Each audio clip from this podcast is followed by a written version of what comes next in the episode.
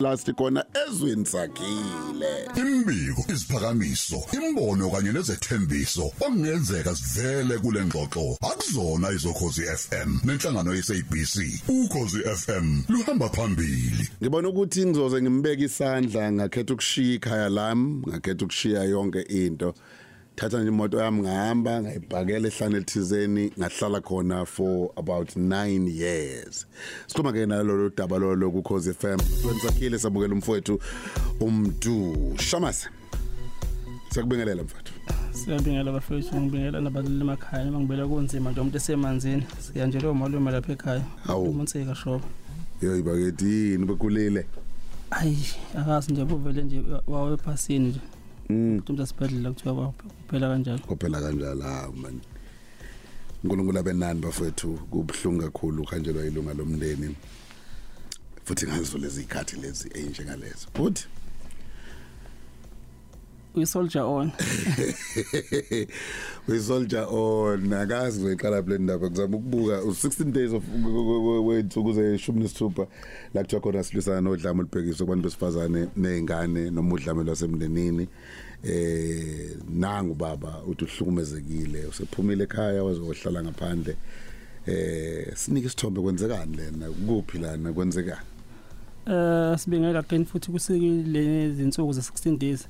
Sisakhula ngenza ukuthi kunengoma yama Soul Brothers ayithi ngcono nginishiye kulomuzi ngohlala empohlweni. mm. Eh ngicabanga ukuthi sisakhula sasinga understand meaning yayo ukuthi lo baba owebhala ingoma wekushiso yini. Yeah. But namhlanje siyakubona lokho ukuthi kwa- kwakuyizathu ezinjengalezi. Eh isimo sikamkhulu esikhuluma ngayo olapha eGindlovu baba uvezi owakade ehamba ngamatekisi khona ekhwele eGindlovu lapha nisuke eshowe yako Durban station. Kanti ke uthi uhlukunyezwe umuntu wesimami abethandana naye. Mm. wa emfice nezingane waze wakhetha ukuthi kunokuthi enze kubi akaphuma amshiye nomuzi. Ha. Uhlalisa kwesilwane njengalapha eGindlovu bantu bangakuboka mroza bamthathisa kwesilwane umkhulu bathi uyahlanya uzobizwa ngusilwane ubizwa ngosilwane Mm. bantu basegingindlovu kunamhlanje umkhulu befuneka sibe naye la kwishow. Sihlele yonke into ngisho transport bebehamba abantu beyohlekisa ngaye kuma post la kade bewabona. Bona abantu Oh. basegingindlovu oh.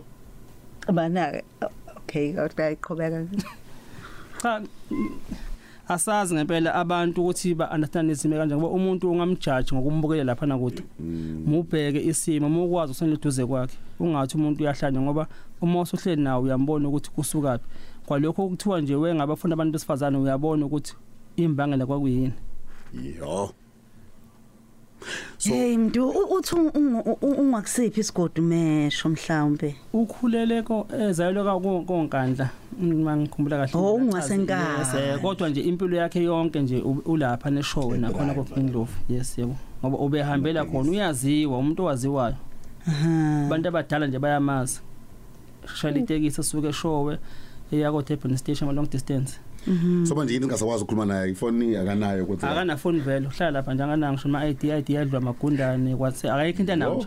Uhlala kuphi negindlovu egate lapha na Shoprite esitolo. Imoto ipake lapha. ikhumbi lapho lala kuyona. Okuyikhumbi yakhe le. Ikhumba besebenza ngayo. Ngayo. yes yomunye ubaba. Sokusho no no ne owner yavele ngayithatha Eh, yes emyekele yes siphenduka umuzi wakhe. Sure. So phakathi ekhumbini kunempahla kunayo hayi kuhlula lonke nje ushera leyandlu yakhe namagundane. Selokhu afika nje akaza abuyele enkandla. Akaza awusekho vele akusekho umuntu enkandla. Ngoba ngiyabuka ukuthi hayi. Asenamuntu abona eh eh, thina emakhaya akujwayelekile ukuthi kube khona umuntu oba kuleso simo esinjalo ngenxa yokuthi eindaweni angithi kunezigodi eh wonke umuntu ongaziwa uyaziwa ukuthi ungwapi usukapi induna zezimazi nabo bonke nje abaphethelene nesigungu aba- abasuke begade lo mphakathi loyo. Engicabanga ukuthi kushuthi kuyasho umuthi uhlala isikhathi eside angakushuthi ulapha edolobhaneni. Yes yes impela yes sho ukuthi nawo masipala unake nje bamthathisa kohlanya ngaba ngisho bona basondela ngoba mangasathi uyashona lapha ngoba uze uyalikhipha ukuthi ngiyopoka ngipokele la. Ngoba Hhayi. akekho umuntu uyongilandela yo. Mangase ngishonele la. Uthi amazi. kwenze njani noma nomama wasekhaya? Mama sekhaya wamjikela umhlukumeza bene ingane zakhe omjikela omhlukumeza umbhalisa umshado angawazi engakaza lobola ngisho kulobola sure. Kwathi useshadile wafaka kumapholisa into angaza angakaza yenze bekukuningi nazo ingane kamama lezi zimshaya zimbeka isandla. Oh umama ufike nezingane yes We. yes akanangane na no no no no mama. Yo. Mhlambe ke eh, mntu eh isixolise lo cause FM akasakwazi ukuthi kufinyeleleke kuyena kodwa umdungu uba ukwazile. I center management labantu uyibona ba- ba- ba- ba- bagadile lezo itolo lezo? Ba- ba- babukuhlanya. Because there was a point ngoba udle emgqomeni there was a point la khona sifuna ukuyothenga la ngaphakathi esitolo. Mm mm, mm. wathi ngeke ngene esitolo ngoba bangixoxa athi uhamba nathi namhlanje uzongena esitolo uthenga sangena naye ngaphakathi because uyaxoshwa umuntu ofana njengohlanya. Noma ngena iphuma yes ephuma hey suka suka suka la kodwa ukukhuluma naye wena uyabona ukuthi u- akufana ngisho amavidiyo uyakhuluma. Khuluma into yomile nekwekwe O- o- okay mntu. Bathina abamatekisi ke i- imboni. ah imboni ah, bayamazi bani isiqiniso impela impela kuyavela ukuthi impela, bebesebenza impela, ndawo impela impela besebenza khona. So- impela sebenza nje khona. Okay, balalele lokho FM asingabe saya kude kakhulu ngenxa yesikhathi. Kubaningi abantu efuna ukuthi sibe sikhulume nabo sibone ukuthi yini singayenza sikwazi ukumsiza. Ngoyibuka noma yiphi indlela oyibuka ngayo, but iqiniso uma ukuthi konke akushoyo kuyiqiniso ukuthi ubalekele ukubeka isandla kumuntu wesifazane. Omunye wabantu esingamthatha njengamaqhawe ukuthi yes. Yeah wenza umsebenzi omu- om- omkhulu. Yeah. Sihlale sicula lethu usho nani ingoma lobo yisho ukuthi uphuma, man Yes. uphume kuyena. Manje 8 to 9 years. Sephila impilo njengale senza kanjani ukusiza lo muntu? Asijoyine ubaba unjilo ku Khosi FM from Injilo eThemba Njilo Foundation. Phinda sebenza kakhulu abantu abasha. Nenza izinto eziningi ukusiza umphakathi. Unathi ke lapha lapha usay studio kodwa le ngozi kade shuwo umsweli nokuvaleka komgwaqo kumvimbile simlanda ngocingo. Baba unjilo sekubingelela mfowethu kwamukele ku Khosi kuseni Eh ngiyakubingelela eh siqhameza ngibingelela no Rosary intombela besikhona ngibingelela nje nabalaleli bokhoze FM Eh isimo umuntu ngabe ukhona kodwa nje njengoba sengibambile sengikhona lana nje eindombeni zeni ngila kwi parking nje na ingozi ezikhona.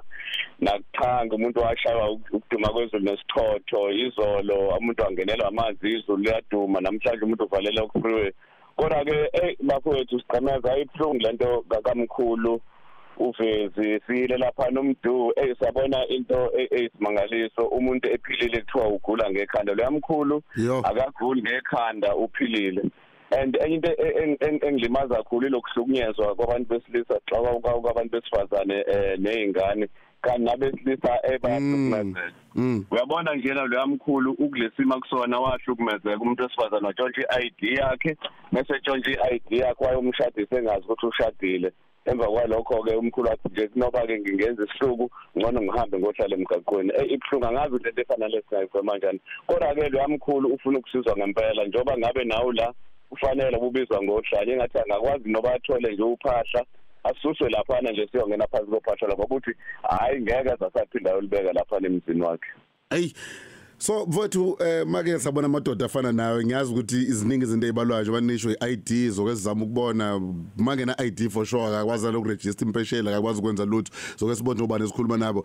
Sisi siqala phi mangathiwa siyamema ukuthi mhla mhlathowaza nayo hlangana sibone ukuthi i16 phe kwe16 senze njani? Siqala phi ma- ma- uma ukuthi khona ezama ukwenza ukumsiza? Mina ngicabanga ngokubuka kwami ngoba ngile sahlala lapha nomdu sajula eh no- nomkhulu. Funa kungenelele ubuholi bendawo either i- induna eh zimnikeza indawo noba umasipala umnikeza indawo. Bese kuyabonakala ke isizwe sasemzansi ngoba siyakwazi ukuhlangana kusibona ukuthi umkhulu kuphahla uyalithola yani kwenzeka kanjani ukuze asuke kulesa simo ayisona. Ngoba uyabona ukuqhubeka kwesikhathi angagcina segula nangekhanda agcine senza nezinto ezisimo ngoba sasifika nje khona abafana bebemgcone basukele uyothatha nje phahla umuntu Yo. abulala umuntu.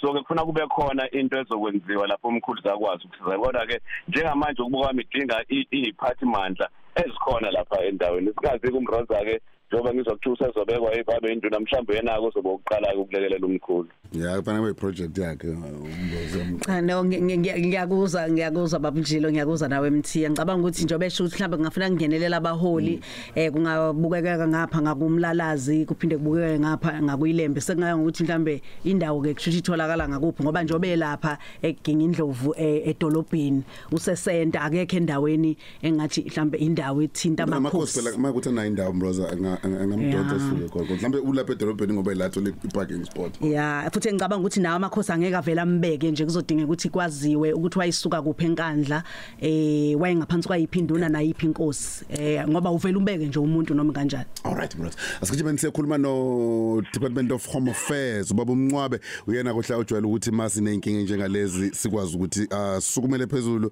ingenye indoda engihloniphayo ngokwesikhundla naso kodwa wehlile wenza kuthina. Baba umncwabe Hu la ID nginginayo ID yami sengiyishadile. Kwenze kanjani isimeni sokuthi sibuyisele lo muntu abe umuntu futhi angabe saba usilwane njengalokho esebizwa ngosilwane? Ngoba mncabe sikubingelele sikwamukele kukhosi Okay. Asimzame Mroza ngazi ubabheke ucine fake mhlambe kokwamnya wama line lana aflipayo Mroza.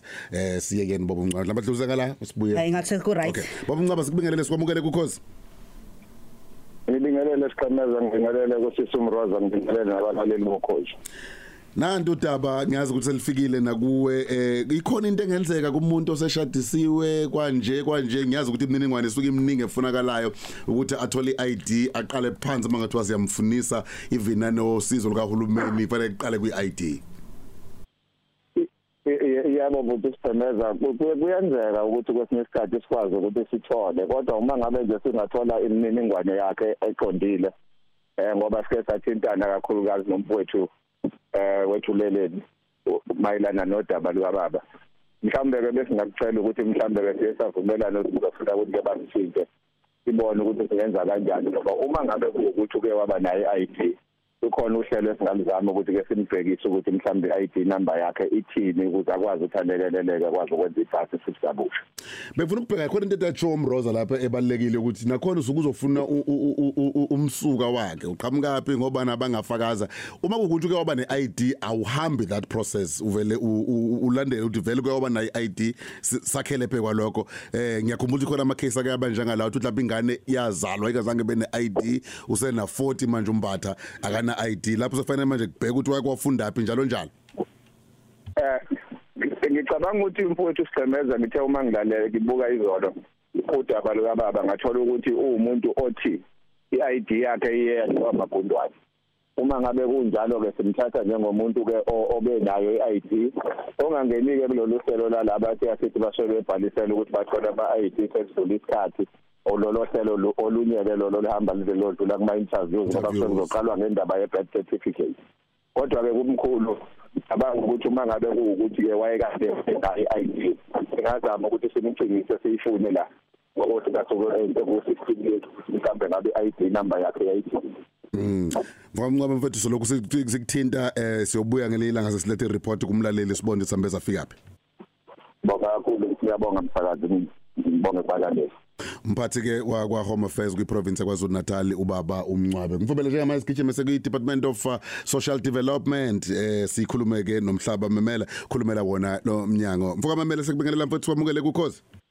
Mthiyomkhulu siyabingelela mfowethu siyabingelela nasethembeni lonke okunye nalo namhlanje emsakazweni Masikhuluma nawe ngiyazi suke sikhuluma no MEC umama ukhoza masikhuluma nawe suke sikhuluma no HOD umama uvelakazi. Mfowethu nanti udaba selifikile senze njani ukusiza? Ngikusho lokhu ngoba ngiyazi ukuthi department yenu ugijima nawo lo mkhankaso ka 16 days of activism for no violence against women and children including nje family violence one. And two nangumuntu uthi ngibalekile ekhaya because ngibalekele ukumbeka isandla but manje sengiyithola ngundinga sithebeni. Senze njani ukuthi simbuyise? Because ngifuna ukusho lokhu ngikubheke eh nangeso lokuthi abayibe becabanga ukuthi uyagula ngekhanda uphazamisekile nakho kuthiwa nezingane ziyamgcona zimsukele. One day ngacina umbone ethatha itshe alibeke ekhanda enganeni bese kukhulunywa udaba kuthiwa hayi sekuvele umshophi. Senze njani ukusukuma sibe proactive ekusizeni umkhulu? Mfowethu sibuhlungu kakhulu eh ngodaba lukamkhulu. Eh kwazi ukuthi eh umphakathi wakithi unesikhathi umbonile umkhulu isimahlala kusona. Akukho noyedwa okwazi isibindi sokuthi akwazise inhlaka zahulumeni ezahlukahlukene. Nanokudumaza kakhulu nje ukuthi zikhona inhlaka zahulumeni amaphoyisa namalungu omphakathi amakhansela nawo wonke umuntu. Kuyathusa nje ukuthi bakhethe ukuthula besibona isimo sikamkhulu kuze kube ukuthi sizovundululwa womkhwanazi besuke eThekwini. Eh kodwa ke mfowethu okubaleke kakhulu ukuthi sibonge nje kubona omkhwanazi nomsakazi ukuthi bakwazi ukuthi bafinyelele umkhulu bavundulula isimo abhekene naso. Eh okwethu njengamnyango wezokushisa umphakathi eh, ukusundela kakhulu eh emndenini sikazi kuyena umkhulu ukuze sikwazi nokutrace umndeni wakhe ukuthi ukuphi. Eh i-unit yethu yaziwa ngokuthi family unit ine responsibility ukuthi izame ukubahlanganisa emndenini makuhlula lapho okunye okubalekile ukufanele kwenzeke ukuthi umkhulu asuke ngesimo kusona kodwa simbeke kuma old age homes esinawo la esifundazweni sakithi ukuze akwazi ukuthi anakekelwe khona. Ngiyajabula nje ukuze ukuthi umsakazo ukwazi nami ukuthi uthinte ubaba umncwabe ukuze basheshise nendawo nokulungisa esiwakhe eh ukuze nosasa kwazi angenelela umkhulu ukhishwe lesasimo abhekene naso ngoba ngiyakholela mhlawumbe ukuba kungenani sithole isibonelo sikahulumeni ubezoba sesimene esingconywana mhlawumbe ngabe wazithola nendawo yokuqasha le ngahlala khona kunokuthi ayohlala eTexini eh ala hayi mfowethu asipheli asiqedile ludaba sithi nje sifuna ukuzwa i-commitment ukuthi nani ni ready niyaviva eh kukhona nizokwazi ukusiza asiliqoqeni sibuye kumlaleli sizomnika i-report uma ukuthi sihlanganise wonke lama department eh mfoka memela Ngisha siyabonga kakhulu mfowethu. Department of Social Development. Mntu ngiyabona kunensizwa ohamba nazo la. Obani eh ba- ithini yabi role? Oh ile umfethu bezom bezomletha umkhulu bemlandi lekuseni ofike kuyena. Wafika wathola isimo sakhe ukuthi sishiye seshintshile ushintshwa yini ubekhuluma na kuseni umkhulu. Mfowethu kusekubikelele igama nesibongo? Yebo ngiyabingelela kubalaleli. Ulindo kuhle wakhanyile eshowe kwesakakhosa emabhudli isigodi. mhm ube kumele uze nomkhulu namhlanje yini evimbile? Eh umkhulu besihlelile ukuthi sofika naye la. Ekseni mase sifika kuyena eh wakhala ngokuthi eh usebona abantu ba- bamhleka mabedlula lapha etesini yakhe bakhomisana ngaye. Eh uthi angazi ke noma kwe- kwenza ubudala uthi nanezitha zakhe seziyazi ukuthi uhlezi kuphi. Yize ke sazi ukuthi ubaziwa vele ukuthi uhlala lapha.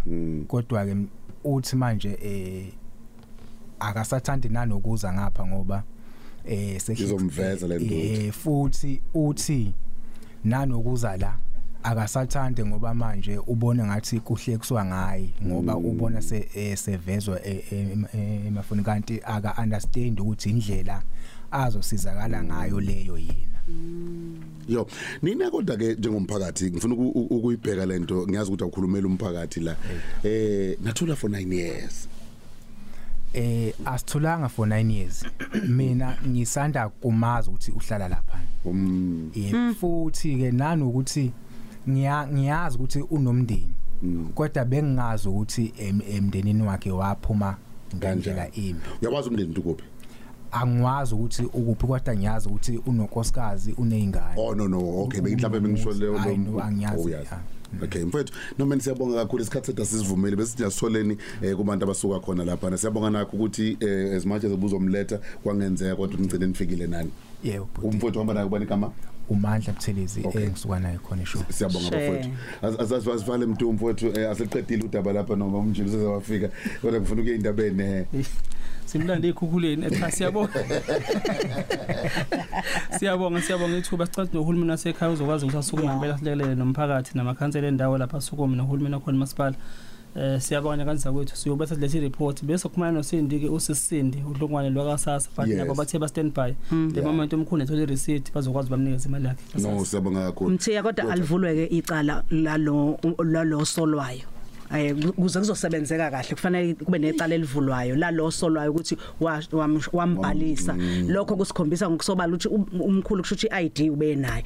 Eh aka- akangayekwa naye alivulwe icala uma kuthi ngempela kuyiqiniso khona kuzobonakala ukuthi konke okukhulunywa umkhulu kuyiqiniso. Njalo mraza lokho sefam sibhele seyindabeni ke zehora lesisha kalombili cause ne FM stole sekusomnyama sesithatha iminute lakhe. Athi kutshete indaba lethola ngelokho ezinhle ngaba kwa insurance izokwenza ungaphezulu ukuthola indlela zokuthi wonge imali kumshwalensi wakho wemoto. Mabehluleka bacela u500 wamarandi. SMS igama elithi out ku 35372 uthola iquote manje. Izindaba ze-SABC sizimele futhi asithathi hlangothi. Inhlangano Independent Candidates Association ethi samukele isinqumo senkantolo yomthetho sisekelo ecithi isicelo sayo kanti ANC ithowe ngumengameli we-ANC uDkt Nelson Mandela uyangihleze ekhumbuleka ngokuzibophezela kwakhe ekusebenzeleni abantu ngentobeko. Emumbeni ihora lesishiya galombili ekseni emsazweni ukhozi FM zithulwa usomnyama Khumalo sawubona mlaleli. Inhlangano Independent Candidates Association ethi samukela isinqumo senkantolo yomthetho sisekele echitha isicelo sayo ebe isifake ngokuhlanganyela neBuild One South Africa. Lezi inhlangano zanikele enkantolo phambilini kulonyaka zifuna kuthathwe njengokungenziwanga ngendlela efanele. Ukucitshiyelwa komthetho olawula ukhetho kuleli bebekhala ngokuthi lo mthetho ucindezela abangenela ukhetho bezimele. Manje bazongenela ukhetho bezimele badinga ukwesekwa abantu abayinkulungwane inkulungwane ukuze bangenele ukhetho. Ongusihlalo walenhlangano Michael Lewis ubeka kanje. We um, accept the um, the judgment of the court because they found that um, the parliament uthi basamukela isiqhumo senkantolo ngoba ithole ukuthi lokho kwaphasiswa yiphalamende iphalamende lona elishaya imithetho. Kanti ke ezobulungiswa akumele sixambukele uthi inkinga nayo manje ukuthi umvimba kanjani umuntu ongenele ukhetho ezimele ukuthi asungule inhlangano yomphakathi okanye asebenzisane neqembu lepolitiki. Okhulumele iANC unkosikazi Mahlengi Bhengu Mthiri uthowe ngumengameli weANC uDr Nelson Mandela uyohleze ekhumbuleka ngokuzibophezela ekusebenzeleni abantu ngenkulu intobeko. Namhlanje kuphela iminyaka eyishumi uTatu Madiba owaba ngumengameli wokuqala wentando yeningi adlule emhlabeni. uMadiba wadlula emhlabeni ngo2013 eneminyaka engamashumi ayishiyagalolunye nesihlanu ubudala emva kokugula isikhathi eside. Kanti wahola lelizwe ihlandle lilodwa emva kokhetho lwango1994 uBhengu Mtsiri uthi famlando lakhe lokuzinikela ekusebenzeleni abantu liyazikhulumela. Namhlanje sikhumbula ukuhamba kukaBaba Nelson Mandela uMadiba ngomhla ka5 Disemba eseyifezile indawo yakhe washiya amagalelo okumele ukuthi izukulwane ezilandelayo neANC ihambe phezulu kwalawo magalelo. Siyakhumbula ukuthi uBaba uMandela wafundisa abantu ukuthi ma ukupolitiki awukhona nje for the sake of it usebenzela abantu ukuze ulethe izinsiza kusebenza ebantwini ukuze nanokuthi ukubusa kwentando yeningi kube khona yingakho angena emzabalazweni. Nathi ke saphila asihlale lapho sibambelele lapha ashiya khona. Komishana wamaphoyisa kwaZulu Natal uJenene Nhlanhla Mkhwanazi uthi kuyakhathaza ukushiya emaphoyiseni kwamalungu ophewule task force aqashwe yinkampani zonogade zezimele.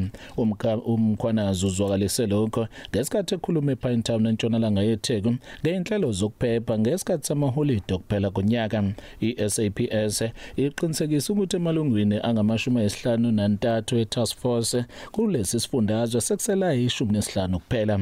Umkhwanazi uthi lolu daba uludlulisele ehhovisi likazwelonke. Ngaphandle labantu abazimele bamabhizinisi bakhipha imali enkulu kakhulu. Ingakho kulula nje ukuthi bahehe amaphoyisa ukuthi azosebenzela bona.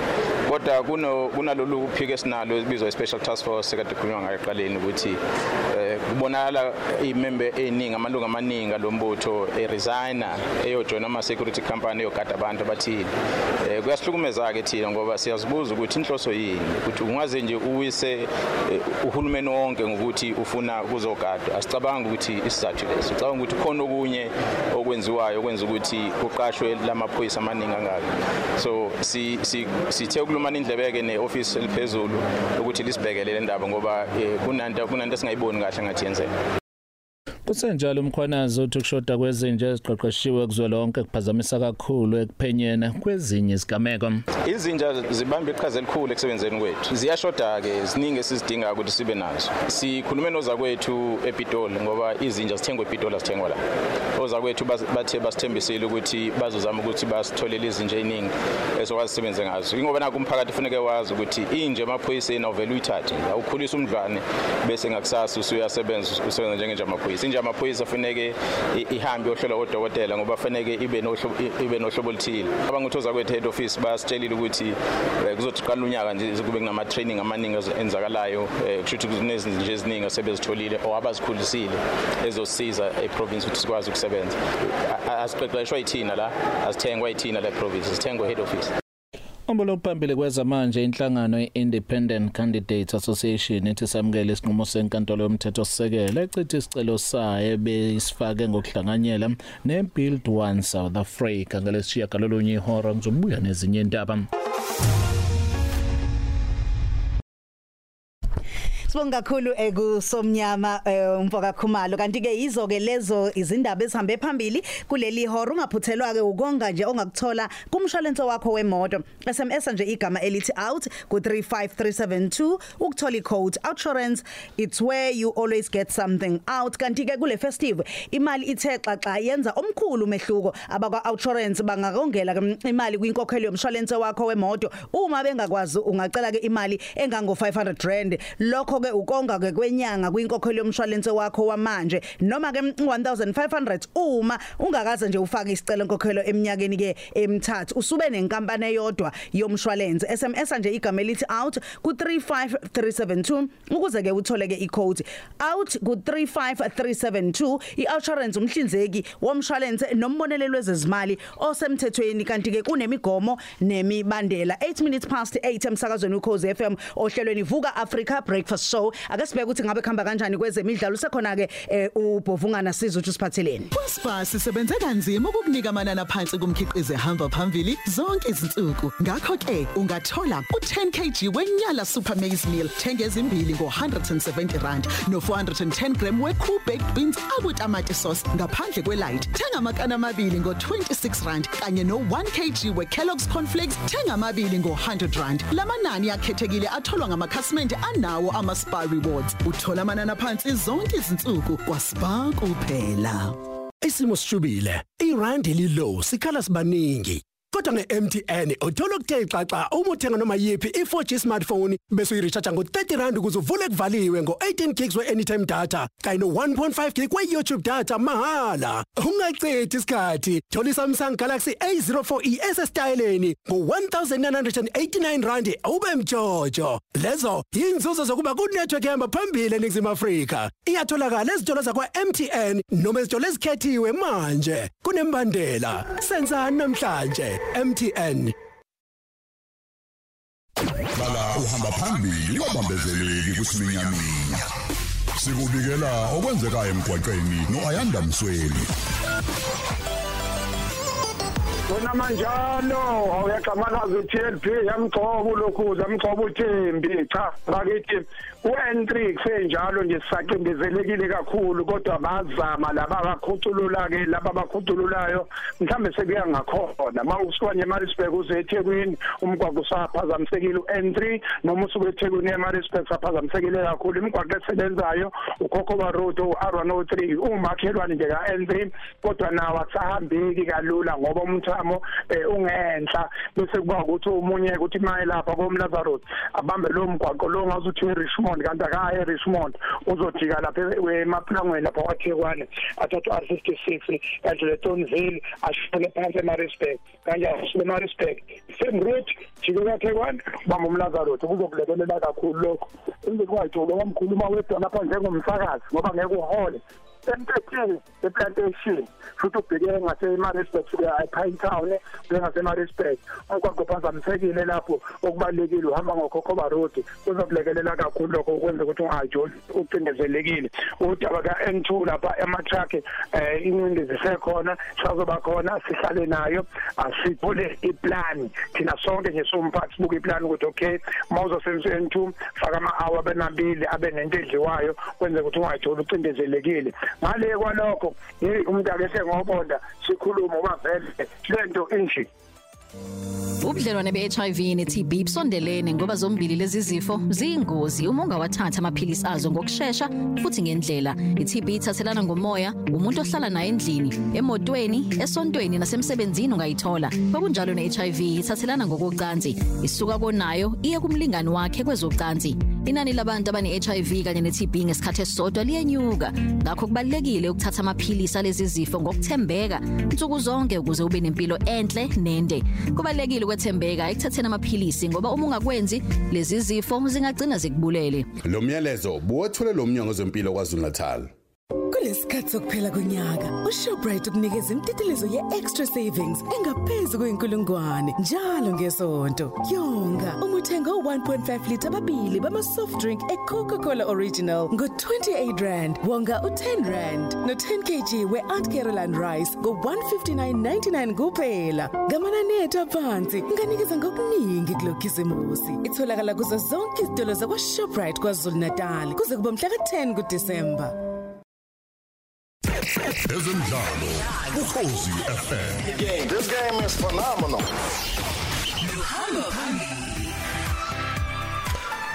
Right sizobuya ke nalo double thinta iBlitzbok njengoba ke ibheke imidlalo yama 7s eCape Town ngalempela sonto. Kanti ke sophinde sibheke futhi ithinta ke iChampions Cup ebhekwe ngalempela sonto. Iqala ke lapha yayi Loftus Versfeld ePitoli. Kanti ukhona ke umdlalo we DStv Premiership osukwini ke elwa namhlanje. Lezi ndaba nezinye sibuya nazo maligama nqehora Bakhulu kumhloko ezini FM vasukume sakhe itheko sikhuluma nemehlo liphekile yetheko. Ey ya indaba kamkhulu ukusixoxa lapha studio. Siyayimunyu. Hayi na khona lebekho indaba thathwayo olaliswa kuyona. ya ku- kufanele kwenzeke nje siyabonga no nobaba umhlaba ngamemela akushilo eh ngicabanga ukuthi akuyena yedwa umkhulu baningi nabanye abasesimeni esifanayo kodwa nje kubuhlungu Shikisha Sbo F sibuya nomanya wetheko musibuya ngala. Elakhika sisilibone awuvezi ikhaba esakhe isibuzo sisibone shikisha ashikisha ashikisha ashikisha ashikisha ashikisha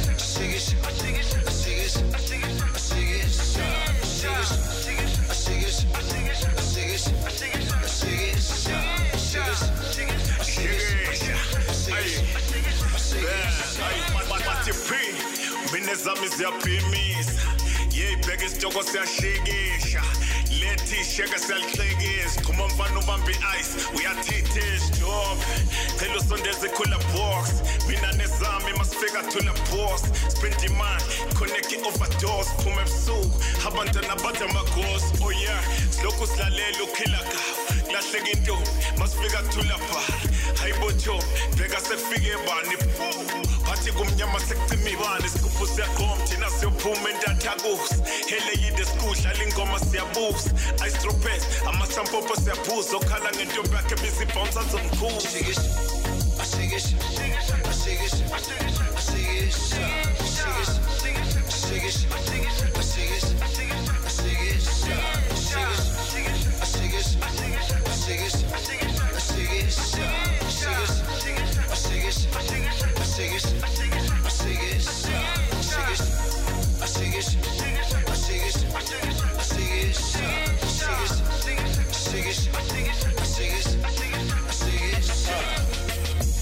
shikisha udlale ngayo mama give you. Ugcwala isitubhu uveza ithanga ubheke phezulu. Urofu uvulile ngiplaka ngoltake it. Olive isaha libhampile uramaphosa ukhiphe egemini umapakisha wasevala khole baby porsche.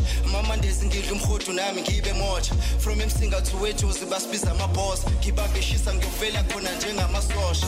Ye ngisosha mina nginjova ekusengibhova elikhwela amabonda. Never step ethekwini that's your last wish. Gijima ngetesla taking blue ticks. Shikisha ngathi nyoke egimbili mabhebeza shibiza vele wena ethengile. Ikasile isibhekile umhobholo uphelile nami ngifuna ukuba rich bengibiza ulayonel shikisha ashikisha ashikisha ashikisha ashikisha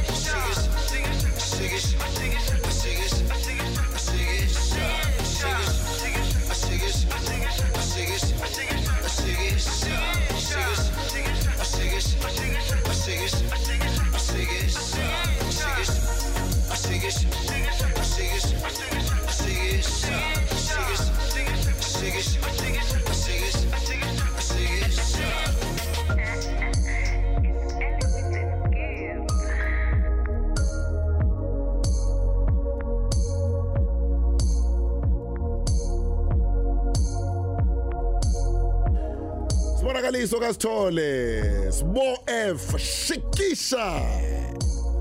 Ngiyaphinda futhi mungenayo le ngoma. Awakayinyusi volume. Tshelwa yimina. Indlela kokha kaye Eh? indlela okhokha ngayo kusiboleyo ngokani uhambo uhambo yebo ekusekhatlehong Rose okay ngiyacela wangisupporta ngekhathi wangithwala ngemoto yakhe. Yebo umbrozi hamba nabe no! Ah, sasihamba ndawonye mthi sasindawonye sibheke ekatlehong sanjiswa usibo F. Wa- wa- unosibo F naye ilungise yakhe ivese yofika lishaya lapha no 1 no 2 yabo kodwa shumayela kani uhlele buyihlelo nyo? Yebo izinsuku zakho. Ah usibo F man. Ngoba mnandi shikisha. Phekela ngoma la ikhona senkundleni eh noma kuma online eh, digital ntontonton 10 Yeah. benayo sizothi masisukume sakhithe kumaduzane siqemeza kodwa singake sikhohle ukuthi usuku olukhulu lolu la utata uMadiba eneminyaka yo95 adlula emhlabeni eh emhlabeni wonke jikelele eh bayayikhuluma le ndaba amazwe ngokuhlukahlukana kwayo. Futhi siyakhumbula ukuthi saphinde sashayeka nathi kwiindustry eh umfowethu usifiso ncwane. Eh kanti kuzolandela futhi ngo- ngonyaka olandelayo uyakhumbula mthiya. Eh angisazi noma uRobbie Malinga noma eh, ukuthi angisakhumbuli kahle uRobbie Malinga kodwa nje ngiyazi ukuthi eh noNezimu eh naye wabe sedlula futhi cishe ngalo usuku olufanayo eh into kanjalo uma ngingaphosisi kahle. Ingakho sithi nje eh, mthiya imndeni yabo si siyabathanda futhi siyazi ukuthi uma kudlula lesi sikhathi esinjengalesi njalo uma kufika usuku olunjalo empilweni yakho umndeni nomndeni kakhulukazi nezingane sengathi nje uNkulunkulu angababopha ngebhandi nje likamoya. Injalo indaba Rosa. Cause FM 17 minutes after um, 8 sikhuluma ke nomeya wethe kumasukume saketheko kulesikhathi sokuphela konyaka uShoprite ukunikeza imtitilizo ye-extra savings engaphezulu kwenkulungwane njalo ngesonto. Swayipha bese uyonga. Imtitilizo nefana namaphakethe amabili o120 gram bama-simba chips ngo-30 rand no2 kilo wephakethe le-sunlight hand wash washing powder ngo-57.99 kuphela. Ngamanani aphansi unganikeza ngokuningi kulo khisimusi amanani atholakala kuzibo mhla ka-10 kudisemba.